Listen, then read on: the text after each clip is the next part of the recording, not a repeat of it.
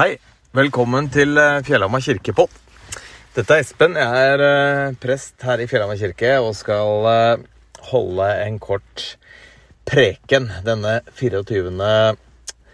oktober 21. 22. søndag i enhetstiden er det i dag. Søndagens tekst er hentet fra Johannes kapittel 12, vers 35 og 36. Jesus svarte, Ennå en liten stund er lyset hos dere. Dere må vandre mens dere har lyset, så ikke mørket faller over dere. Den som vandrer i mørket, vet ikke hvor han går hen.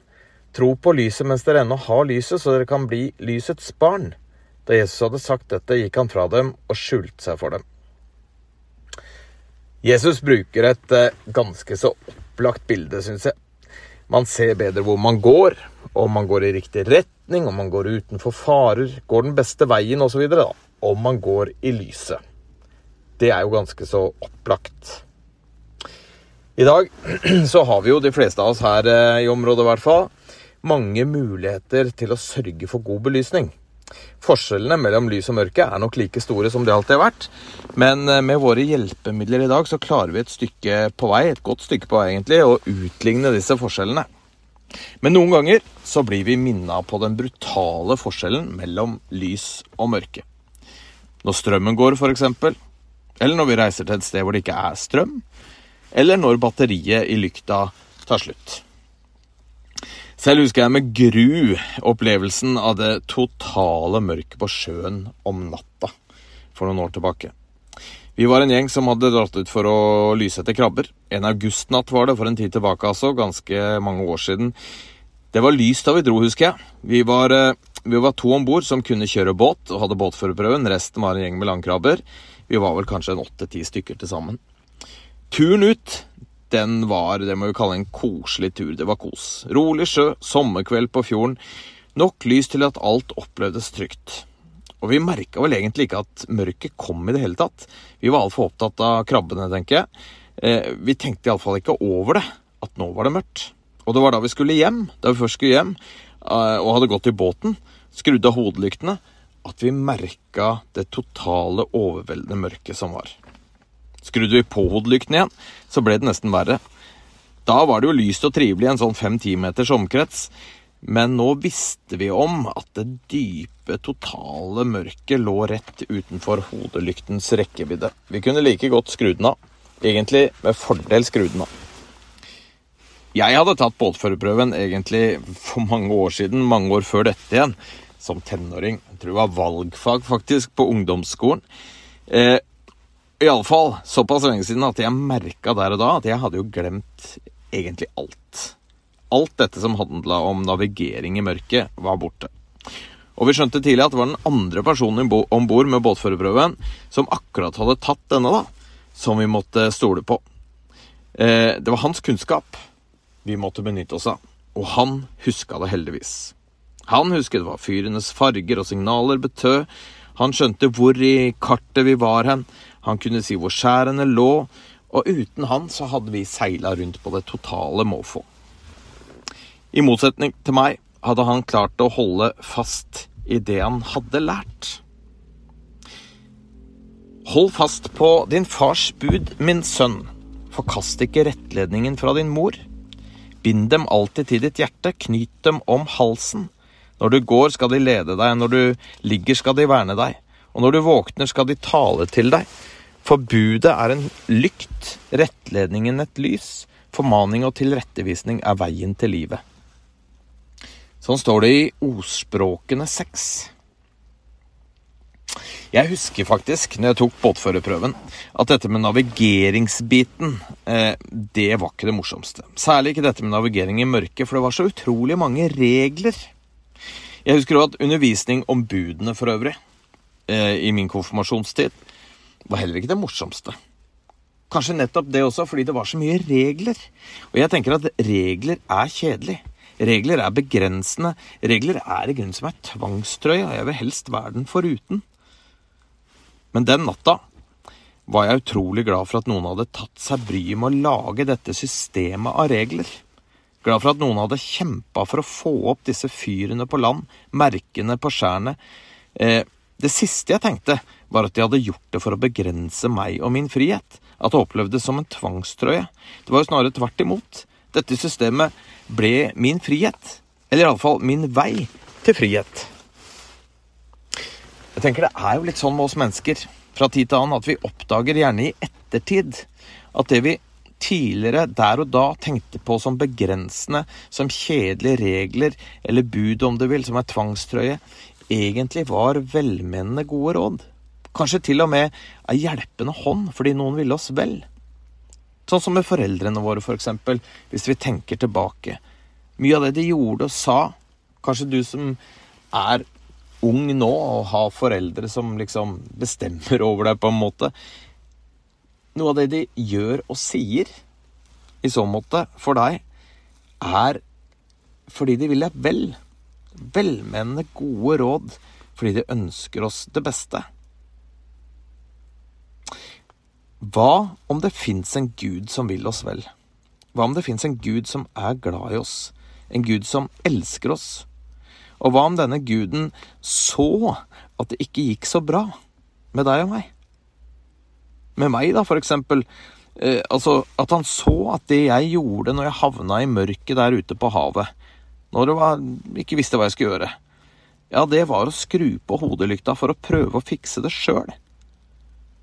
Og, og med det egentlig bare oppleve en viss tilfredshet der og da med at det var lyst. Men Gud ville jo se at jeg fortsatt befant meg i det totale, overveldende mørket. At det jeg opplevde som lys rundt meg, bare var en fem-ti meters omkrets med hodelykta. At det ikke hjalp til spor, egentlig. Hva om denne guden som så dette, til og med kom for å være lyset selv. Under årets konfirmasjonslærere, konfirmasjonslærer, faktisk også på konfirmasjonsgudstjenestene vi hadde her i kirka i høst, så snakka vi om dette med ropet inni oss. Vi snakka om at eh, kanskje er det sånn for oss mennesker at vi opplever at vi har et rop inni oss noen ganger, som kanskje kommer, kommer fram først når vi er i vår ytterste nød. F.eks. når du har gått deg bort i skauen på et ukjent sted. Det er høst, det er mørkt, det er kaldt, det er vått og du har gått og gått, du er sulten, helt utmatta. Og nå kan du ikke finne veien hjem. Det er bekmørkt, du har ikke noe lykt. Og du begynner å bli redd. Nærmere livredd. Da kan det hende mange av oss opplever dette ropet inni oss. Kanskje ikke sånn at du roper det ut høyt, sånn at det høres. Men kanskje bare alt inni deg roper ut et 'hjelp'! Og så snakka vi om på konfirmasjonsleir at hva om dette ropet inni oss er et aldri så lite hint om at vi mennesker har en mulighet til å kommunisere med noe utenfor oss selv? Kanskje til og med med noen utenfor oss selv? Hva om det er en tilhørighet for oss et sted utenfor oss selv? Et kjent sted, en kjent person. En vi kan være trygg på, en vi kan kjenne.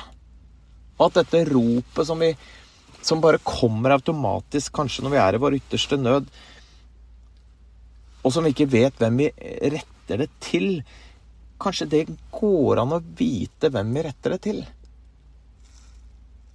Og at dette er et lite hint om at vi er skapt med muligheten til å kommunisere med Gud, ha en tilhørighet med Gud. For meg den natta var det utrolig digg når jeg kjente igjen den trygge havna. Eh, det var en lettelse. Og jeg husker også den samme følelsen noen ganger som barn. Når jeg kjente igjen mine nærmeste, som da var mamma og pappa, mine trygghetspersoner, i situasjoner hvor jeg hadde vært utrygg. Det var en lettende følelse.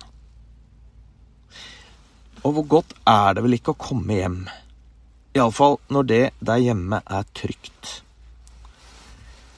Norges nye yndlingspoet, tror jeg vi må kunne kalle han, Trygve Skau, han skriver Jeg har vært på vei hjem helt siden jeg dro.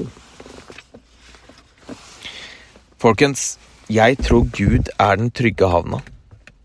Jeg tror Gud er den ultimate trygghetspersonen.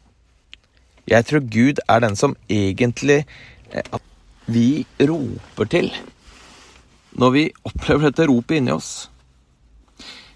Kanskje kan jeg ikke si det på andres vegne, at du egentlig roper til Gud. Kanskje kan jeg ikke gjøre det. Men jeg tror i hvert fall at det er, det er på en måte noe iboende i oss, en mulighet til å ha kontakt med Gud. Og det tror jeg gjelder for både deg og meg.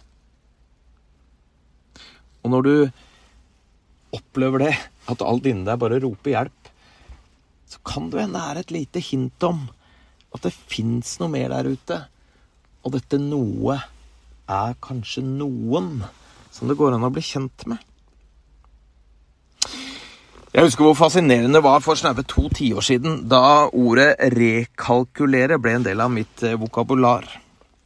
Jeg ble kjent med uttrykket gjennom ei meget slitsom dame, egentlig, som til stadighet fortalte meg via et instrument i bilen som ble kalt globalt posisjoneringssystem, GPS, da, hver gang jeg kjørte inn på en bensinstasjon, stoppa et sted, tok en shortcut eller en omvei, eh, at hun måtte så absolutt rekalkulere. Denne dama var eh, høyst slitsom, og jeg lærte meg ganske raskt å fjerne lyden. Men systemet likte jeg. Jeg ble alltid leda inn på riktig vei igjen. Mange av oss tenker kanskje at Gud Nei, det er ikke noe for meg. Jeg har jo ikke akkurat levd det livet, liksom, og nå er det litt seint. Eller jeg er ikke en sånn type, en sånn person. Vet du hva? Gud fant opp rekalkulering. Han er den som best kan lede deg og meg inn på riktig vei. Så handler Guds bud, regler om du vil, Gud som lyset, Gud som rekalkuleringens opphavsmann, om at han vil oss vel du og jeg kan få komme som vi er, bli akseptert, bli møtt med kjærlighet og tilgivelse, med nåde, og bli leda på rett vei. Folkens, la oss våge å tro det. Det er jo et fantastisk budskap. Jeg har vært på vei hjem helt siden jeg dro.